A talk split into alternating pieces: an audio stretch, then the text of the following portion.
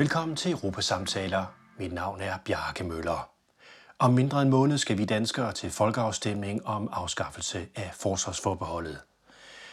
Og i dagens samtale skal jeg tale med en af fædrene til netop dette forsvarsforbehold, og det er SF's tidligere formand Holger K. Nielsen, der også en kort periode var udenrigsminister. Jeg startede samtalen med at spørge ham, om vi ved at afskaffe forsvarsforbeholdet kan få Putin til at ryste i bukserne.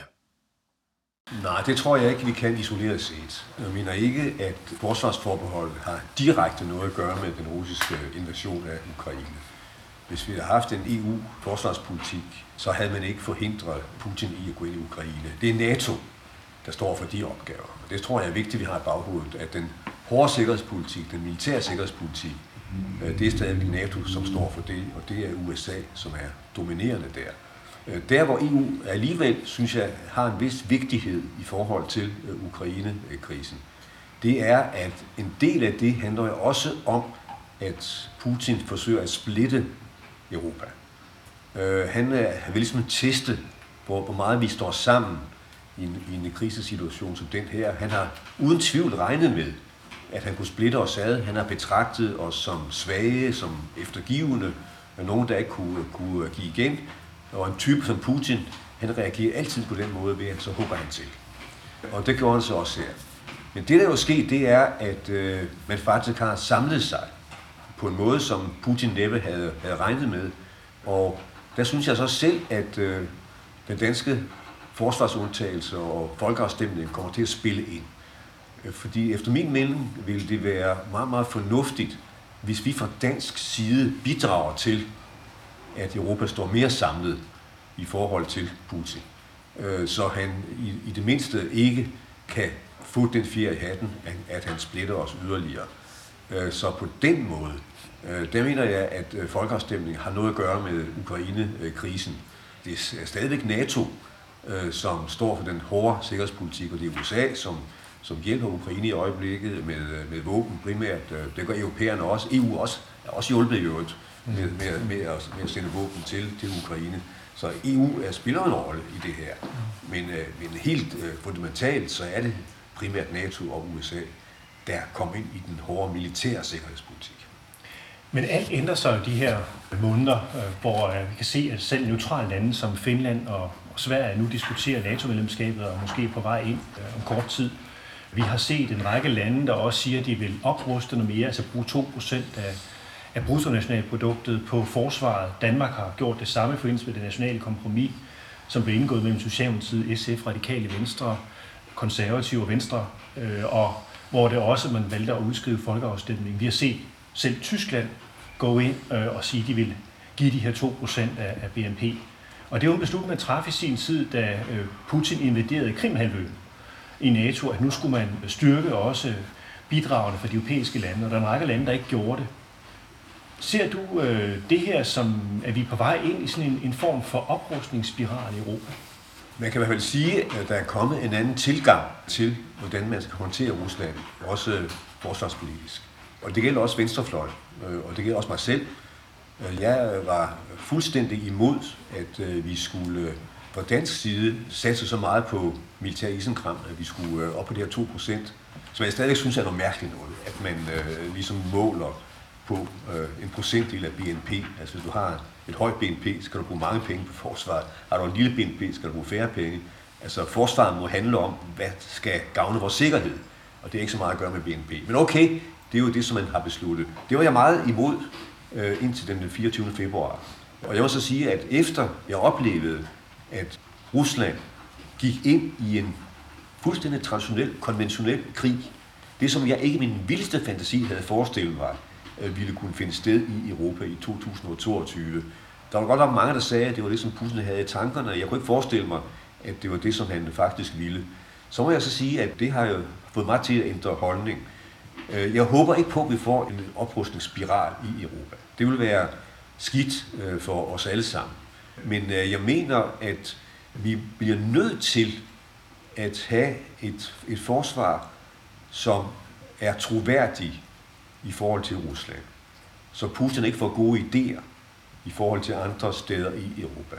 Og det vil sige, at øh, vi er nødt til at kunne øh, sige til øh, polakkerne, vi er nødt til at kunne sige til balterne, vi er nødt til at kunne sige til, øh, til tjekkerne, til de andre frontstater øh, i Østeuropa, at øh, hvis Rusland de begynder at true jer militært, begynder at have planer om at intervenere militært, øh, så vil der komme et effektivt modsvar på det. Hvis man skulle gøre det effektivt, så er man også nødt til at have noget at have det i, som jeg så sige. Det er ikke nok bare at have det i munden, at vi siger, at øh, vi vil svare på det. Vi skal også kunne gøre det i virkeligheden. Så derfor er jeg sådan set tilhænger nu, at man, man sørger for, at øh, der er et troværdigt modsvar, hvis Putin ville få mærkelige idéer. Så det handler sådan lidt om at kunne forsvare vores demokrati og vores frihed og vores samfundsmodel, altså mod Putin. Du har sagt, at øh, vi skal stå imod det stigende imperialistiske pres fra Rusland. Ser du Putins politik som imperialisme? Ja, det gør jeg. Det er en drøm om at genskabe et, et russisk imperium, øh, som han har haft øh, hele tiden i virkeligheden. Jeg har ikke selv ment, at han havde øh, mulighed eller vilje til, eller kræfter til at forsøge at få det realiseret. Han forsøger det nu alligevel og så mange kræfter på det. Men det er, øh, for mig er der ingen tvivl om, at der ligger en russisk imperialisme bag det her, hvor han øh, ønsker at kunne øh, bestemme, om jeg så må sige, øh, hvilken politik nabolandene de fører. Så det er i høj grad meget de tidligere altså sovjetrepublikker.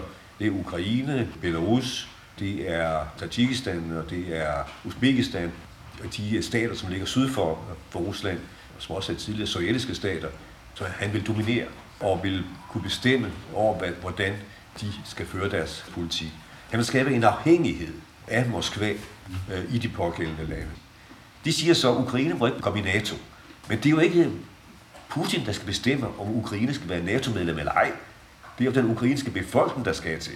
Det er klart, at i Ukraine må man så gøre sådan nogle overvejelser over, hvilke sikkerhedshensyn skal man så tage. Hvad betyder det for vores sikkerhed fremover osv.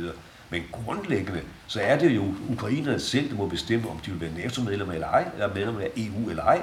Det er jo ikke noget, som Putin og Rusland de skal bestemme. Øh, og det er jo derfor, at man har fået den her diskussion, som er kommet op, hvor Rusland må erkende, jamen der er bare et land, der ikke vil bare spille efter deres melodi. De øh, ønsker selv at kunne bestemme, hvor de vil høre til, og så får man så konflikten. Og det mener jeg bestemt godt kan anskues som en form for imperialisme øh, fra russisk side i forhold til Ukraine for eksempel, men også i forhold til andre dele af, om så må sige, det tidligere sovjetiske system. Lad os øh, prøve lige at få afrundet det her med de 2% øh, og oprustningen. Altså hvis man nu for eksempel stemmer nej til at ophæve forsvarsforbeholdet, så får vi vel også stadigvæk 2% på vores øh, budget, øh, der går til forsvar. Ja, ja, ja, det er ikke noget med det at gøre. Altså, der bliver, der bliver jo lavet en, en aftale øh, om, at vi gradvist frem til 2033 øh, skal op på, på 2%. Der er ikke vedtaget nogen, øh, nogen finansieringsplan for det endnu. Det skal man forhandle her til efteråret gennem en nyt forsvarsforlig.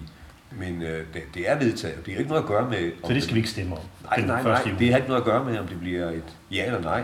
De penge, de bliver afsat. De har man besluttet, at de skal afsættes. Og intet som helst at gøre med, om det bliver et ja eller nej den 1. juli.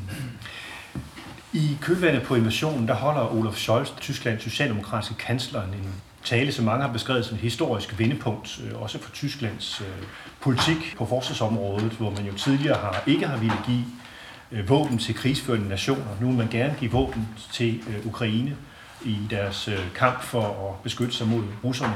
Han udmeldte så også, at man vil give 2% til forsvaret fremover, og i år ekstraordinært give øh, 100 milliarder euro. Det er jo rigtig mange penge. 745 milliarder danske kroner. Det fik jo også en socialdemokratisk regering herhjemme til at, at spære øjnene op. Og jeg har næsten lyst til at læse et citat af, af Jeppe Kofod, som han kom med den 2. februar, hvor han sagde, at der er ikke noget forsvarsforbehold, som gør, at vi ikke kan føre den udenrigs-, forsvars- og sikkerhedspolitik, som vi gerne vil. Og han afviser, at der er brug for at gøre med forsvarsforbeholdet.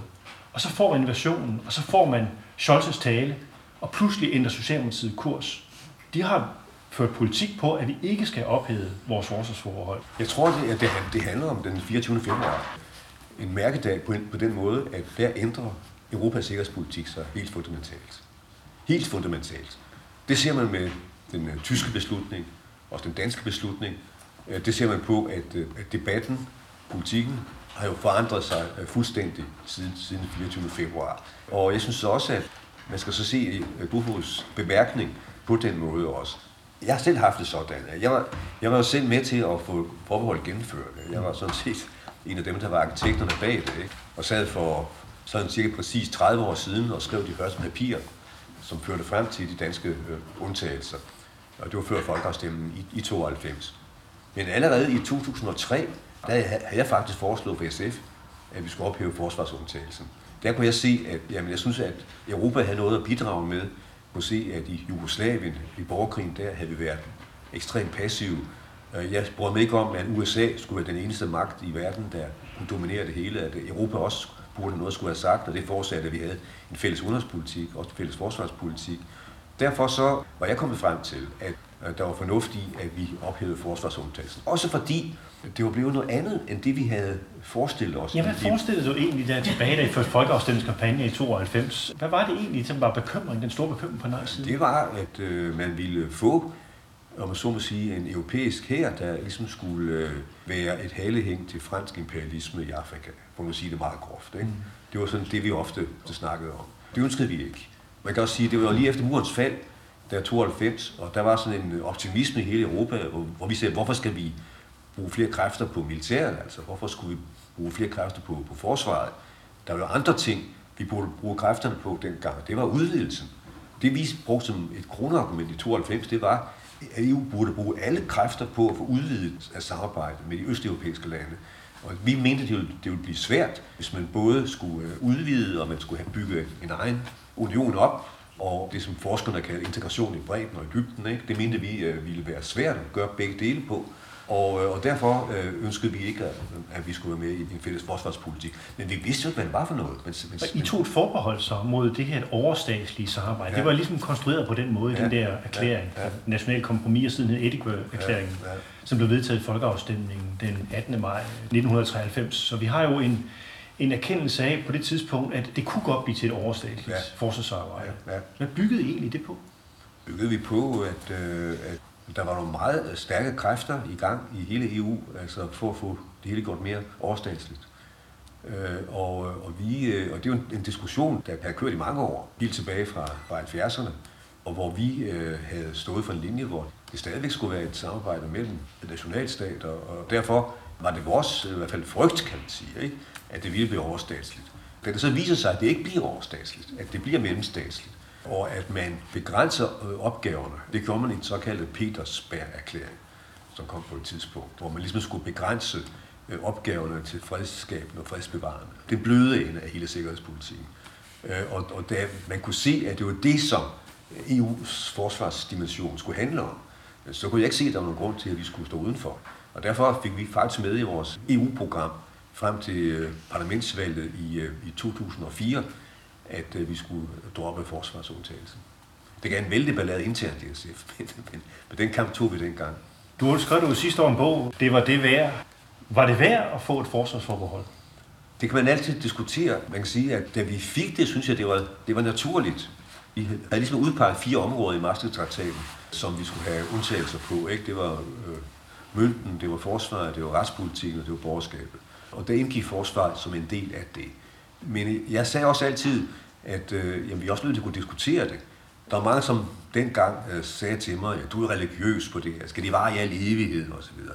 så siger jeg, jamen altså, politik, øh, det handler jo ikke om, øh, om evigheder. Det er noget, som, som teologerne de, de tager sig af. Og derfor kan man altid diskutere politik, hvis der er nye forudsætninger. Og det synes jeg også er vigtigt, at man kan gøre. Mm. At øh, kommer der nye forudsætninger, så må man jo diskutere dem. Hvis man så skal ændre sin politik på det grundlag, jamen, så må man gøre det. Det synes jeg er naturligt, at man gør det. Og derfor mm. kom vi jo også ret tidligt frem til, at, øh, at vi burde nok øh, ophæve undtagelsen. Det var sådan set den undtagelse, som jeg sådan først ville have ophævet. Men lad os lige dykke ned i EU's forsvarsarbejde lidt dybere ja. om et øjeblik. Bare det med at ændre holdning, tage et nyt standpunkt, så at sige. Og i din bog, der skriver du så, at vi støttede i 90'erne dansk militær tilstedeværelse i det tidlige Jugoslavien. Selvom vi lagde vægt på funderingen i FN, havde vi passeret Rubicon og anerkendt, at militær magt var et instrument, der kunne bruges for at skabe fred. Så det er vendepunktet for dig. Det var Jugoslavienskrigen. Jeppe Kofod har så ændret synspunkt efter Putins invasion, og du ændrer synspunkt på grund af den Jugoslavienskrig. Mm. Hvorfor var det så vigtigt, altså også for SF på det tidspunkt, at gå ind og acceptere militær tilstedeværelse i Jugoslavien? Det var jo, kan man sige, lidt det samme som nu i Ukraine, kan man sige. Ikke? Det var sådan en borgerkrig, der var i, i Jugoslavien. Vi troede efter murens fald, at der ville blive fred og, og fordragelighed. Ikke? Og Og spændingerne mellem, mellem stormagterne blev jo afdæmpet meget, i en periode i hvert fald. Samtidig med det, så sker der det, at nationalismen, den stikker sit hæslige hoved frem i Jugoslavien. Pludselig, så begyndte de at møde løs på hinanden. Mennesker, der havde boet som naboer, de begyndte at hugge hovedet af hinanden og fordrive hinanden og lave de frygteligste ting i forhold til hinanden. I 95, der var der en massakre i det sted, der hedder Srebrenica. Ja. Flere tusind bosniske mænd, de blev myrdet og, og lagt i massegrave. Mens FN kiggede på? FN kunne ikke gøre noget. Og de er ikke mandat til at gøre noget? Nej, de er ikke mandat til at gøre noget. Der, der er nogle hollandske soldater, som øh, stadigvæk har traumer, fordi de ikke var i stand til at gøre noget. I hollandsk politik er det meget traumatisk, det her. Ikke? Det var så først, at NATO kom ind, at det lykkedes at få styr på det. Og der kom Danmark med i den her nato ja, ja, ja. Ja, der synes jeg da, der burde EU jo, der burde Europa jo selv på et tidligere tidspunkt have været i stand til at gå ind og håndtere de her ting. Mm. Også fordi det var en borgerkrig, og det var ikke så den hårde øh, sikkerhedspolitik på den måde. Man skulle ligesom skille parterne ad, og man skulle få det til at fungere mellem de her mennesker, der boede i det område der. Sørge for, at, at man ikke skød på hinanden, som man havde gjort. Det burde andet lige have været en opgave for EU, for Europa, at vi selv kunne håndtere sådan en ting der. Og det synes jeg sidenhen var et eksempel på, at øh, det burde vi kunne noget mere på det område der. Du skriver i din bog i kapitel 11, der skriver du, sikkerhedspolitik er andet og mere end krudt og kugler. Jeg har næsten lyst til at læse lidt op, fordi det også rammer lidt ind i den her krig, vi står i med nu. Historien giver ikke belæg for en verden, hvor voldelige konflikter og krige forsvinder. Vi har ikke set den sidste Hitler, Stalin, Milosevic eller Assad. Vi skal være i stand til at bekæmpe uret eller kæmpe for vores frihed, til at forsvare vores nationale territorium, hvis det trues udefra. Hvis det giver mening, skal militæret være en del af den udenrigspolitiske værktøjskasse. Hvorfor er det så vigtigt? Det er vigtigt, om vi kan lide det eller ej. Så er verden under, end vi gerne vil som SF'er. Som jeg også skriver i stedet, tror jeg, at Assad han har ikke respekt for tinsoldater. Han har kun respekt for egentlig magt. Og det samme er også tilfældet for Putin og sådan nogle mennesker der. Milosevic også i øvrigt. Derfor kan du ikke føre en udenrigspolitik med vægt, hvis du ikke har det militære i baghånden. Det betyder ikke, at det militære øh, skal være øh, i forgrunden. Det er vigtigt, at det militære øh, kort skal kun bruges i aller, aller sidste øjeblik. Jeg plejer at sige på en måde, at hvis man går ind militært for at løse en konflikt, så er det altid en dårlig løsning. Man får altid dårlige løsninger løsning ud af det. Men alternativet kan bare være værre. Det vil sige, hvis, hvis der ikke kommer nogen løsning, så kan det være meget værre endnu. Og det vil sige, at du skal have mulighed for, at du kan gå ind med militæret, hvis du skal ligesom tvinge en eller anden øh, løsning igennem, som beskytter civilbefolkningen, som beskytter almindelige mennesker. Derfor bliver du ligesom kastreret i din udenrigspolitik, hvis du ikke har det kort også. Øh, så, så bliver det bare snak, så er andre ligeglade med dig. Det er lidt selvfølgelig hårdere at erkende, øh, også for et parti som SF, som har sådan en øh, antimilitaristisk øh, tradition. Vi har aldrig været pacifistiske i en forstand, men sådan en antimilitaristisk tradition, at sådan kan verden også godt hænge sammen. Den erkendelse fik vi jo i Jugoslavien, øh, hvor vi så støttede, at det var FN-tropper, som var dernede, først i Kroatien, siden i Bosnien. Det øh, synes jeg var rigtigt, at vi gjorde, øh, netop fordi det var en nødvendighed for at skille parterne ad. Og Jugoslavienkrigen er også det, at begyndelsen til, at EU faktisk får en, en mere aktiv politik på forsvarspolitisk område, laver fredsbevarende og fredsskabende øh, operationer rundt omkring i verden. Der har været 37 operationer i det her samarbejde, hvor man sender soldater ud, for eksempel for at skille parterne ad, som det skete i Bosnien. Man overtog en mission for NATO i Bosnien, da NATO ikke længere, eller USA ikke længere ville. Men, men Danmarks forsvarsforbehold betød jo så, at vi ikke kunne være med i EU-missionen, da NATO-missionen ophørte i Bosnien. Var det noget af det, der fik dig til at ændre holdning til, til vores øh, forsvarsforhold? Jamen, det var, det var jo bare mærkeligt, synes jeg. Altså, der har været sådan nogle meget mærkelige situationer, hvor, hvor vi har måttet sige nej til øh, operationer, som, som jeg synes, og vi syntes var meget fornuftige, og som lå simpelthen i forlængelse af det, som vi godt ville. Og det er for eksempel øh, fredsbevarende ting i, i eks-Jugoslavien og, og sådan steder der, men også i Afrika og, og så videre. Ikke? Og det har givet sådan en mærkelig situation, som vi jo, jo overhovedet ikke havde regnet med i 92, vel, øh, ville komme op. Men det, det er jo sket. Det er også for mig til at tænke mig om, okay, det er lidt tosset, at vi står uden for det her faktisk. Men det var igen det her frygten for den her overnationale her. Jeg kan jo se, at, at nej-siden jo har brugt det argument, både Dansk Folkeparti og Enhedslisten har brugt argumentet om, at det er en overnational her. Er, er der belæg for det? Nej, det synes jeg ikke, der er. Altså, altså der er ikke belæg for det. hvorfor det? Fordi øh, forsvarssamarbejdet i EU, det er mellemstatsligt. Det er landene, der, der arbejder sammen, og det er ikke overstatsligt. Det er ikke sådan, at Ursula von der Leyen hun får, om så må sige, magten over et militær. Det er ikke kommissionen, der får magten over det. Det er ikke de overstatlige institutioner, der kommer til at styre det her. Det er et mellemstatligt samarbejde, hvor landene de samarbejder med hinanden. Og hvor landene de har en vetoret i forhold til, hvad der kan bestemmes. Og også har en frivillighed til, hvad man kan gå med til. I virkeligheden så svarer det ret meget til, øh, til NATO. NATO er jo heller ikke overstatsligt. Det er også øh, landene, der arbejder sammen. Man har nogle øh, nationale øh, forsvar, og så bliver man enige i NATO om, nu skal vi gå med i den og den mission, og så bidrager landene med forskellige kapaciteter til den operation. Det vil være fuldstændig det samme her. Øh, Hvis EU beslutter en mission, så bliver der meldt ud til landene, vi vil gøre det her, hvad kan I bidrage med? Og så, så melder landene ind med, hvad de kan bidrage med, og øh, så ser man på, hvad der er brug for, og hvad man kan, man kan få fat på. Ikke? Men det er jo ikke sådan, at man, man tvinges til noget på den måde. Det er helt frivilligt. Så hvad du bygger det på, fordi Maja Villadsen fra Enhedslisten har sagt, at EU's øh, militære dimension er under hastig opbygning, og vi ved ikke, hvor det ender. Og det kan man jo sige, det er jo sådan set rigtigt nok, det er en del af udsagnet. Så siger hun så, afskaffer vi forbeholdet, svarer det lidt til en situation, hvor man melder sig ind i en forening, hvor hverken formål og vedtægter er på plads. Hvad synes du om den påstand? Jamen, det er på plads. Formålet er Hvorfor er på du så plads. sikker på det? Men det står i traktaten, at det er traktatfæstet, at det her det er mellemstatsligt. Der står også i, i traktaten, at der er enstemmighed, og det er mellemstatsligt. Man kan forestille alle mulige ting altid, ikke også? Sådan er, sådan er det jo. Der kan man så argumentere for, at det er en fordel, vi kommer med, fordi vi har medbestemmelse på det. Altså vi i, i den øh, situation er med til at bestemme, i hvilken retning det skal gå. Vi har Og vi har også veto- vetoret. du har også vetoret i forhold til det. Ikke? Så jeg synes det i og for sig, at det argument, hun bruger der, det er da mere et argument for, at øh, man skal med. Det er da rigtigt nok, man, man ved da ikke på forhånd, altså hvordan de indholdsmæssigt ender. Det, det kan man jo ikke vide på forhånd. Men at det er mellemstatsligt, man har en vetoret. Og i den sammenhæng kan man da, synes jeg, argumentere for, at det er mere fornuftigt, at vi er med, end vi er udenfor, fordi så har vi indflydelsen på det.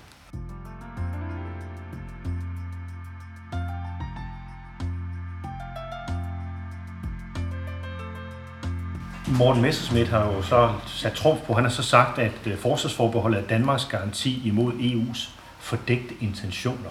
Altså der er nogen nede i EU, der er måske nogle tyskere og nogle franskmænd, der, der spekulerer på at lave den her overstatslige her. Er der noget øh, om det? Jamen altså, hør jeg, der har altid været en diskussion omkring øh, tingene i EU. Øh, Frankrig øh, har nogle, nogle ret store ambitioner. Macron han, har sagt noget om et fælles EU-forsvar. Og der må vi så finde ud af, hvad ligger der i det? Hvis der ligger i det, at øh, vi skal have, om man så må sige, en, sådan en egentlig europæisk her, ligesom den amerikanske her eksempelvis, ikke? Øh, hvor, hvor hele kontrollen med det ligger i kommissionen eller i Bruxelles, øh, så, øh, så vil jeg sige, det er jo ikke det, som kan blive udkommet af det her. Nå, fordi Frankrig vil heller ikke opgive deres atomslagstyrke. Det er en national atomslagstyrke. Det, det, som man jo glemmer der, det er, at militæret er jo noget af det, er noget af det, som nationalstaterne de kærer sig mest omkring. Det er jo noget af det, de aldrig nogensinde vil opgive. Også selvom man er til måske kan synes, at øh, man kunne med en vis fornuft, øh, om så må sige, øh, samarbejde lidt bedre om det. Ikke? Jeg kan huske, øh, øh, jeg sad i forsvarsforligskredsen øh, for et par år siden, og der skulle vi købe nye kampfly. Og der var nogen, der mente, at man kunne ikke i stedet for måske øh, gøre det, at det var nordmændene, som forsvarede os med deres kampfly. Så vi ikke skulle købe de her dyre kampfly. At vi i stedet for brugte andre landes fly, det forsvarer os. Og de der folk i militæret, øh, de stod 10 kors for sig. De kunne slet ikke forestille sig overhovedet, at det var andre lande, der skulle forsvare Danmark. Det skulle vi selv kunne gøre. Det ligger så dybt i, øh, i, i tankegangen hos de nationale øh, myndigheder og det ligger vel også dybt i befolkningen og Ja, politikere. Altså folk vil jo gerne forsvare det demokrati, vi Ja, har, og ja, præcis. der- den hvor grundlov, siger, vi har. Hvor man siger, at det, det må vi jo selv kunne gøre. Ikke? Og hvis mm. vi bruger mange penge på forsvar, så skal vi jo selv have de der kampfly. Ikke? Og, og, og derfor ligger det dybt i, øh, i alle lande, at det skal vi selv have magten over. Og, Men- og, og, og alene af den grund, så er, er det jo virkelig et, et skræmmebillede, der bliver fremmanet efter min mening. Men øh, EU, der taler man jo om at lave sådan en udrykningsstyrke på 5.000 mand. Øh, Og efter Jugoslavienskrigen, der talte man om 50.000 mand. Den blev så ikke til noget. Nu taler man om 5.000 mand, og man har også haft nogle nogle kampgrupper, der har trænet, hvor selv Norge har været med, ja. øh, og Finland og Sverige har jo også været med at bidrage til det, hvor Danmark ikke har kunne være med. De der 5.000 mænd og kvinder, der er i den udrykningsstyrke, er det ikke begyndelsen til en her, som du ser det? 5.000, det er, jo, det er jo bare en lille styrke. Ambitionsniveauet her viser lidt om, er, man vil. Også fordi der jo er en øh, dyb forståelse af, at øh, den virkelig hårde militære del, det er noget, NATO skal tage sig af.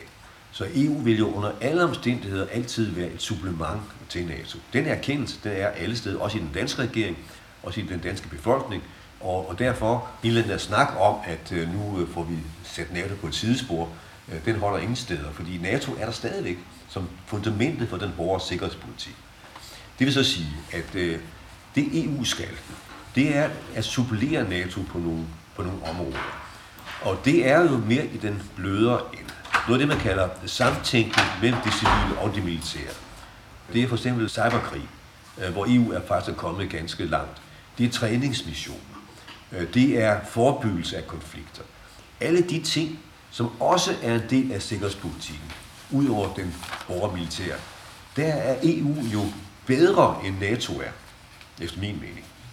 Derfor er vi nødt til at se på EU som en, en politik, øh, hvor øh, man laver nogle andre ting, end NATO gør. Det vil sige, at der er ikke nogen konkurrence mellem EU og NATO.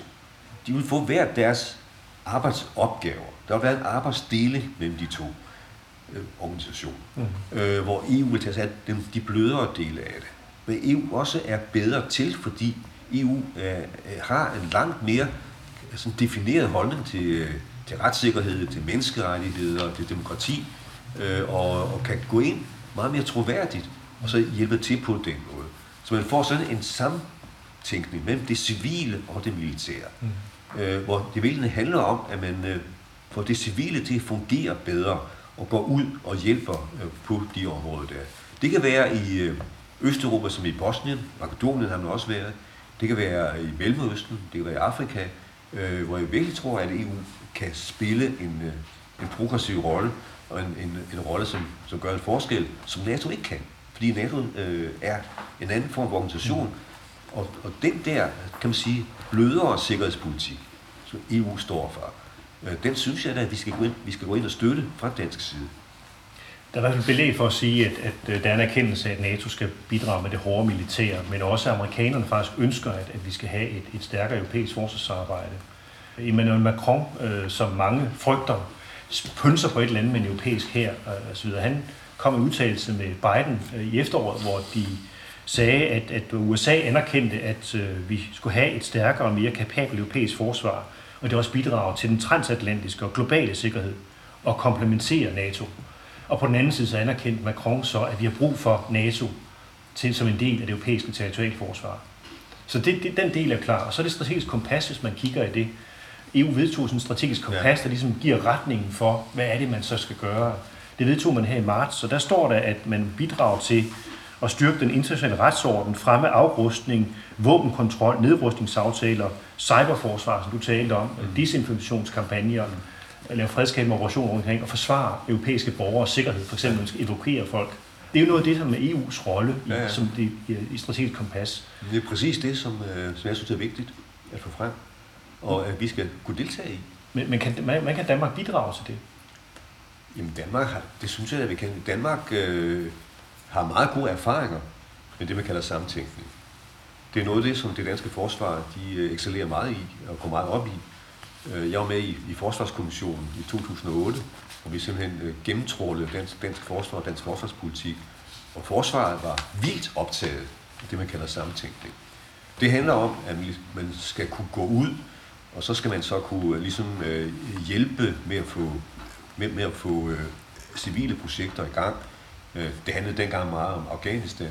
Øh, det lykkedes ikke helt så godt der, synes jeg ikke, men øh, principielt var jeg sådan set enig i det, at øh, det var vigtigt, at, at soldaterne ikke bare var nogen, der kom og skød folk, men også nogen, der hjalp med at bygge op. Øh, og man fik et samarbejde med NGO'er, med, med, forskellige, med, med, med, med forskellige civile organisationer i forhold til det. Den form for, for tænkning, den er da stadigvæk vigtig. Nu har vi en, en meget hård krig i Ukraine, og det håber jeg da naturligvis vil blive afsluttet øh, inden alt for længe. Men øh, derefter vil der jo stadigvæk være øh, forskellige konflikter vi skal forholde os til, og hvor vi skal forholde os til det på en anden måde, end det vi gør i forhold til Rusland i Ukraine, øh, nemlig med at øh, få en mere differentieret sikkerhedspolitik, som ikke bare handler om militær, men også handler om, om civile ting, men hvor det militære kan være en del af det også. Nu har Danmark jo deltaget i nogle af EU's civile operationer, fordi det har man fortolket forsvarsforbehold derhen, at man godt kan deltage i civile operationer, så man, man har godt kunne være med til at træne nogle steder politifolk. Men i Somalia, der deltog vi øh, kun i den civile del af EU's operation, som også havde militære dele, som at bekæmpe piraterne, som også angreb den danske handelsflåde fra Somalia. Men vi kunne samtidig så deltage i NATO's militære operation. Men da den så blev nedlagt, så kunne vi ikke deltage i EU's militære operation, der er det samme formål at beskytte den danske handelsflåde. Er det så noget, det, det kan vi komme ud over, hvis vi øh, afskaffer forsvarsforbeholdet? Ja, jamen, det var jo dybt mærkeligt, øh, kan man sige. Ikke? At, øh, man kan også sige, at altså, hvad var grunden til, at der var to, to forskellige missioner der? En for NATO og en for EU. Ikke? Det kan jeg ikke huske baggrunden for, men, øh, men i hvert fald var det underligt, at øh, den ene kunne vi godt deltage i, og, og den anden kunne vi ikke selvom de havde fuldstændig det samme formål og lavede de helt samme ting. Det var mærkeligt. Mm. Vi er med til at træne politifolk i Afghanistan for eksempel. Ikke? Men, ja. altså, ja. Og der har vi også deltaget i den internationale koalition, som USA stykkede sammen. Ikke? Så ja. vi har været meget aktivistiske mange gange. Ja, ja, men det har vi, det har vi jo har, har vi så været øh, sammen med USA jo. Og det synes jeg, der ikke har været nogen, nogen succes. Altså Irak-krigen var, var jo en fuldstændig katastrofe. Altså, det der skete der fra amerikansk side, Abu og den måde, man håndterede hele landet på efter Irakkrigen i 2003, har jo været en katastrofe for hele Mellemøsten, øh, og, øh, og det blev vi involveret i. Så jeg synes da ikke, at man kan sige, at det, at vi har været så involveret i de amerikanske krige og i NATO's aktiviteter, har været særlig opløftende, hvis du skal være helt ærlig. Øh, Tyskland og Frankrig, som er de to bærende lande i EU-samarbejdet, har været det historisk set og dominerer mange diskussioner osv. De var jo modstandere af Irak-krigen. Ja. Det var det, som den amerikanske forsvarsminister kaldte det gamle Europa. Før Irak-krigen, der holdt han en tale, hvor han øh, sondrede mellem det gamle Europa og det nye Europa. Og det gamle Europa, det var de traditionelle EU-kernelande. Det var Frankrig og Tyskland og nogle andre lande, som var imod Irak-krigen. Og så var der den kaldte det nye Europa, det var Storbritannien, og det var Danmark blandt andet, og sådan nogle østeuropæiske lande, som Rumsfeld han mente var det nye Europa, var fremtidens Europa, som ligesom støttede den der amerikanske politik, mm. øh, neokonservative amerikanske politik, øh, hvor man skulle ud i verden og gennemføre demokrati med militære midler. Der gik det op for mig, at, at der var vi på det helt forkerte hold. Anders Fogh, han valgte fuldstændig forkert på det tidspunkt. Sammen med Tony Blair gik han sammen med amerikanerne og svigtede i virkeligheden det gamle Europa og svigtede øh, Tyskland og, og svigtede Frankrig. Øh, og Danmark burde have ligget et andet sted på det tidspunkt. Burde have ligget på et, et europæisk øh, spor. Det, øh, det synes jeg var, det var en, en meget, meget øh, stor fejl. Især Tyskland er et vigtigt land for mig, for Danmark at have en nær kontakt til. Øh, jeg var udenrigsminister i en meget, meget kort periode. Alt for kort, synes jeg selv. det, var, det var ikke så meget, at, at jeg nåede. En af de første, jeg besøgte, det var min tyske kollega øh, Steinmeier, som nu, nu er præsident. Og det var ligesom for at markere, at øh, Danmark var meget, meget optaget af det europæiske spor. Det lagde jeg også vægt på i de ting, jeg sagde, jeg nåede på sagt, før jeg måtte gå af på grund af det kaos, der var efter vores regeringsdeltagelse. Men det skal vi ikke gå dybere ned i. Nej, jeg vil høre, jeg vil stille et spørgsmål her, som jeg synes er vigtigt. Ja. Føler du dig tryggere i selskab med Tyskland og Frankrig end med USA? Jeg føler mig tættere på den. Hvorfor det? Fordi jeg mener, at, øh, at vi kulturelt og politisk øh, ligger tættere på de europæiske lande. Men jeg erkender jo også, at i forhold til at løse nogle problemer, så er vi nødt til også at bruge amerikanere, altså i forhold til vores sikkerhed. Så er vi også nødt til at, øh, at have USA øh, som en, en form for bagstopper, kan man sige, øh, som kan gå ind, når det er nødvendigt. Øh, og, og sådan vil det også være fremover. Altså, det er jo ikke sådan, at vi går ud af NATO, hvis vi får en europæisk forsvarsdimension. NATO vil stadigvæk være der, USA vil stadigvæk være der, og USA vil stadigvæk være den, den væsentligste, det væsentligste anker for, for dansk sikkerhedspolitik jeg håber meget på, at vi, øh, om jeg så må sige, kan gøre mere selv, så vi ikke bliver så afhængige af USA. Hvorfor gør du det? Fordi øh, jeg mener, at Europa skulle, skal kunne øh, klare tingene selv, også fordi USA jo øh, orienterer sig andre steder hen. Ja, de kigger til Asien og Kina ja, selv. Ja, der er kommet en, øh, ny præsident, hvis navn jeg ikke vil sige her, vel? Altså, der er ingen, der siger, at, at Trump han er ude af, af verden. Indtil for, for få år siden, øh, øh der, øh, og vi ved at ryste i bukserne, hver gang Trump han, han sagde noget. Og folk var meget nervøse for, om, om artikel 5 overhovedet ville blive brugt af USA. Han var nær ven med Putin. Prøv at tænke, hvis han havde været amerikansk præsident i dag, prøv at tænke den tanke. Ja, det er ikke så svært, fordi han fører faktisk meningsmålingerne ret komfortabelt over Biden. i Ja, ja, ja, ja, men lige, og han kan blive præsident igen. Mm. Han, fører, han fører, siger du. Alene af den grund er vi da nødt til fra europæisk side at øh, gennemtænke, hvad gør vi der? Det betyder jo ikke, at vi skal, om jeg så må sige, fjerne os fra den, den amerikanske beskyttelse i artikel 5. Nej, men det betyder, at vi skal gøre os mere selvstændige. Vi skal- Vi gøre os nogle tanker om, hvordan vi kan håndtere flere ting selv på europæisk side, uden at vi nødvendigvis skal have hjælp af USA. Mm. Igen, kommer der en ny Ukraine-krig, så vil USA stadigvæk være der som det, vi skal satse på. Mm. USA har stadigvæk atomslagstyrken, og den her så, såkaldte atomparaply, den, den kan vi ikke selv levere. Okay, men på mange andre områder. Det gælder for eksempel i vores nærområder. I Europa, men også i Mellemøsten i virkeligheden. Lad mig nævne et eksempel. Hvis man tager for eksempel Syrien, hvordan det håndteres dernede. Der er Europa fuldstændig på et sidespor. Totalt på et sidespor. Hvorfor det? Fordi andre lande har taget initiativ. Fordi vi ikke har nogen fælles Rusland. politik. Rusland, Iran, øh, Tyrkiet, øh, de har taget initiativ der. Tag Palæstina-konflikten. Vi er helt uden indflydelse på den konflikt. Det er amerikanerne, det er andre lande i regionen, der har indflydelse der. Vi er helt uden indflydelse. Og der skulle man jo mene, at i vores nærområder, det som virkelig påvirker os, hvis der opstår konflikt i de områder der, så er det os, der mærker konsekvenserne af det, gennem flygtningestrømme osv. Der skulle man jo mene, at øh, der burde vi stramme os an og få en stærkere øh, profil på det. Så vi er helt ude. Og det øh, fortsætter da, at vi begynder at tænke lidt mere øh, samlet. Vi får en, en fælles øh, udenrigs- og sikkerhedspolitik, herunder også en forsvarspolitik, som vi kan stille ind. Et helt konkret eksempel, som jeg har tænkt på også, det er i, øh, i Syrien. Der, blev, der var kurderne, de var i kamp mod i- islamisk stat.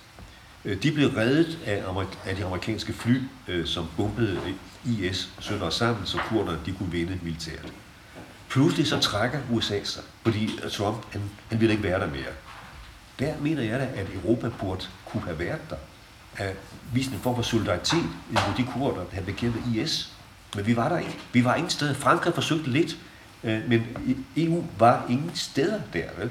Og hvad skete der så? Der skete det, at Rusland udfyldte tomrummet. Ja, Rusland og Assad, de sidder på det dernede nu. Og det er det, som, som man ser. Der kommer et tomrum, og der går Rusland ind. Det synes jeg bare ikke er acceptabelt. Hverken for de lande, som det handler om, men jo heller ikke for os selv for- og for vores egen sikkerhed.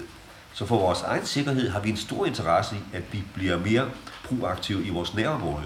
Men de store, overordnede geopolitiske konflikter, øh, det kan vi ikke håndtere. Vel? Vi kan håndtere mange flere ting, synes jeg, og det bør vi gøre. Vi, vi kan tale længere om Trump, og vi kan selvfølgelig håbe på, at han ikke kommer til magten igen, hvad jeg gør meget. Øh, Han nævnte jo også, at, at Putin var geni, da han invaderede Ukraine, bare for lige at, at sætte Trump på. Jeg er interesseret i, hvad kan EU egentlig så gøre selv? Altså, fordi vi har jo øh, i øjeblikket, så har vi USA, der bruger 3-3,5 gange mere end EU-landene til sammen på forsvar, og, og EU-landene bruger så tre gange mere end Rusland bruger. Og det kan man selvfølgelig ikke sammenligne direkte, fordi øh, det koster så lidt mere for soldater at give dem en løn i, i Vesteuropa, end det gør i Rusland, så det er ikke helt sammenligneligt. Og vi har ikke nogen atomslagstyrke, som du også har nævnt. Men hvad er det egentlig, vi kan i EU-landene, altså hvis vi samarbejder noget mere? Og hvordan skal det organiseres? En af de ting, som, bliver, som er en konsekvens af EU's forsvarssamarbejde, det er kan man sige, øh, infrastruktur. Det er, at man laver aftaler om, hvordan man kan flytte for eksempel øh, kampvogne fra et land til et andet land. Det er i øjeblikket meget besværligt. Der skal udfyldes mange papirer og så videre, hvis der skal transporteres udstyr fra et land til et andet. Og der, øh, øh, der ved jeg, at man har lavet aftaler om, øh, at det skal gøres meget nemmere, og så også man ved, hvor, hvordan vejene de kan håndtere sådan en, en tank, hvor kan den køre hen. Altså masser af lavpraktiske ting, som skal være i orden, og som EU godt kan, kan så for. Men så er der også hele, kan man sige, den økonomiske del af det. Ikke? Altså, vi har snakket om øh, en, en del gange, så, øh, så er, er sikkerhedspolitik øh, er jo andet og mere end, end det militære. Det er også økonomisk, og er blevet mere med økonomisk. Og det vil sige, at en del af krigen med Rusland handler jo også om økonomisk krigsførelse. Mm. handler også om cyber, hvor, som vi har talt om tidligere.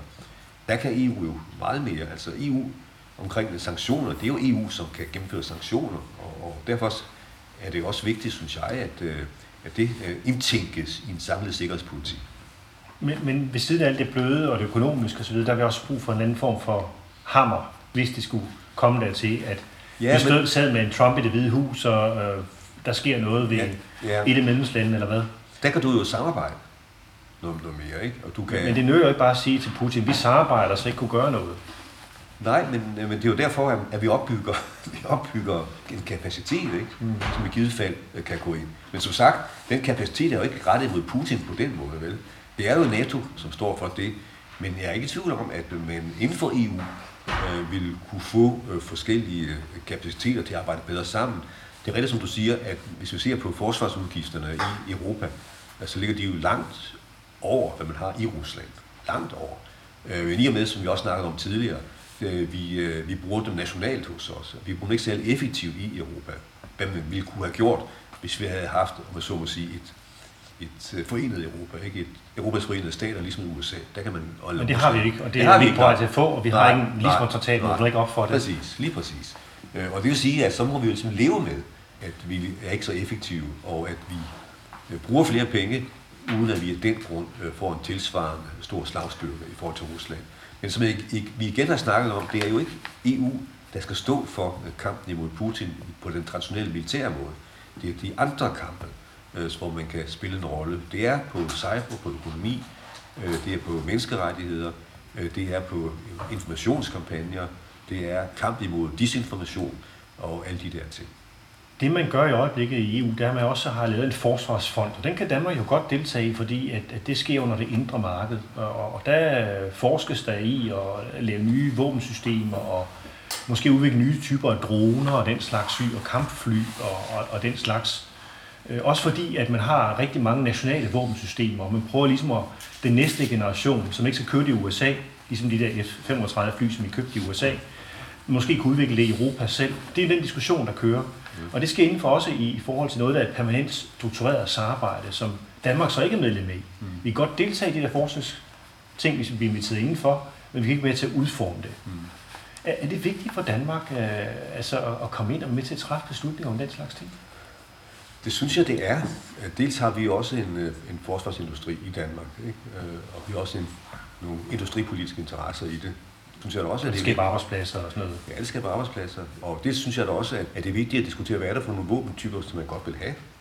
Våben er, kan jo bruges til mange forskellige ting og har forskellige indretninger. Og, og der synes jeg da, at øh, det er da vigtigt, at vi er med til, til det, og vi kan påvirke det og, og ligesom give vores stemme øh, med.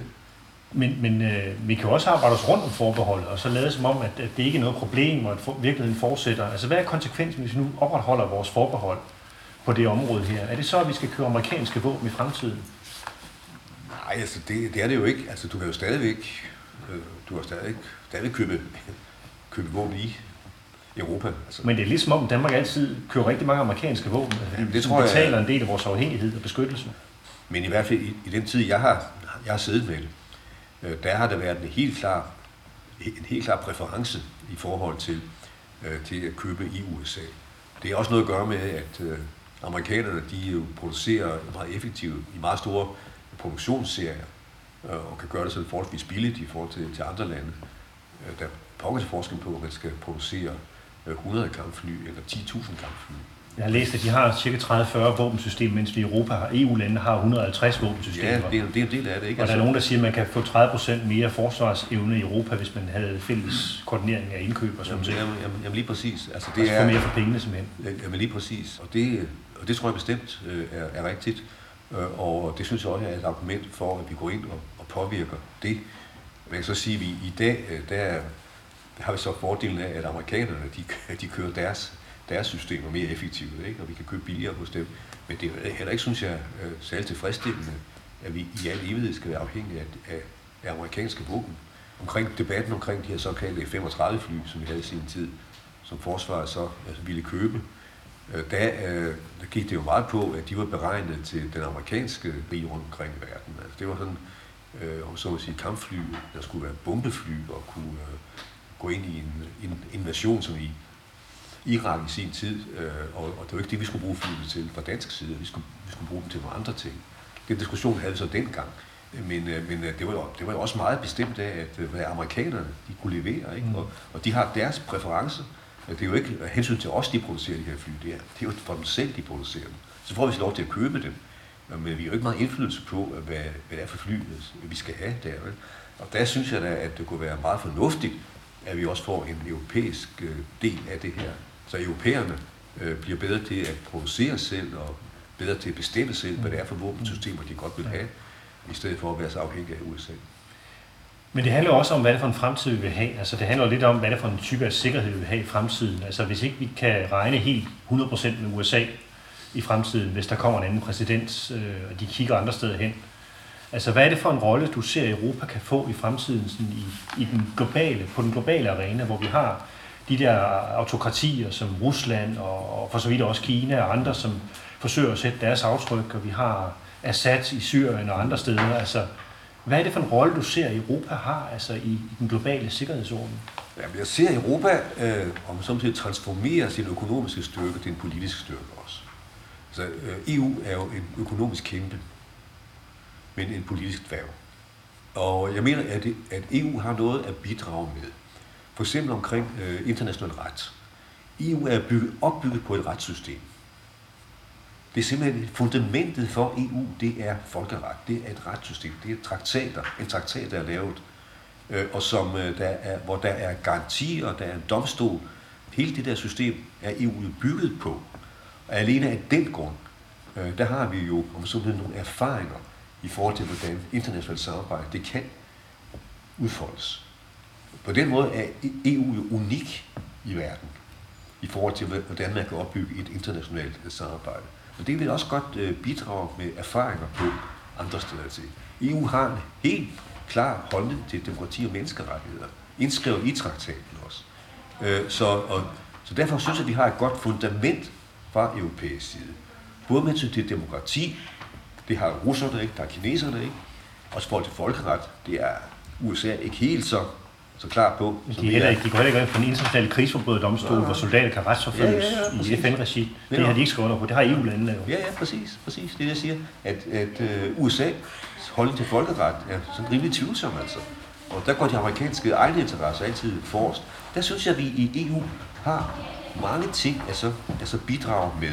Også omkring klimakampen. EU er uden sammenligning det mest progressive samarbejde omkring det at få omstilling til, til en grøn økonomi. Uden sammenligning det samarbejde, som er længst på det område der. Det kan godt være, at vi i Danmark øh, er til synes, at det går for langsomt, men sammenlignet med andre, andre områder, så er EU ekstremt progressiv på den grønne omstilling. Og det bliver også en del af fremtidens sikkerhedsudfordringer. Præcis, ja. præcis. Det er også sikkerhedspolitik.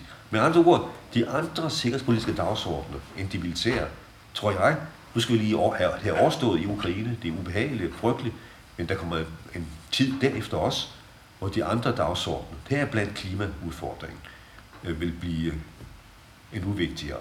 Og der vil EU der kunne spille en helt, helt anderledes progressiv rolle end både Kina, Rusland og USA. Derfor er det også vigtigt, at vi styrker den del af det europæiske samarbejde.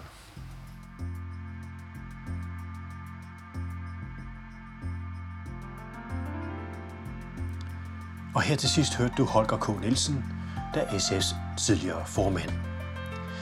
Vi talte om forsvarsforbeholdet, og det skete ved en samtale, som var arrangeret af SF's oplysningsforbund SFOF i den forløbende uge. Denne podcast er en redigeret version af den samtale. Mit navn er Bjarke Møller, og jeg er journalist og blandt andet forfatter til bogen Håbets politik, sådan overvinder Europa kriserne og bliver en grøn supermagt. Samtalen om forsvarsforbeholdet er led i en serie på seks interviews, som er støttet af Europanævnet. Musikken, du hørte i udsendelsen, er komponeret af Christian Møller Munar.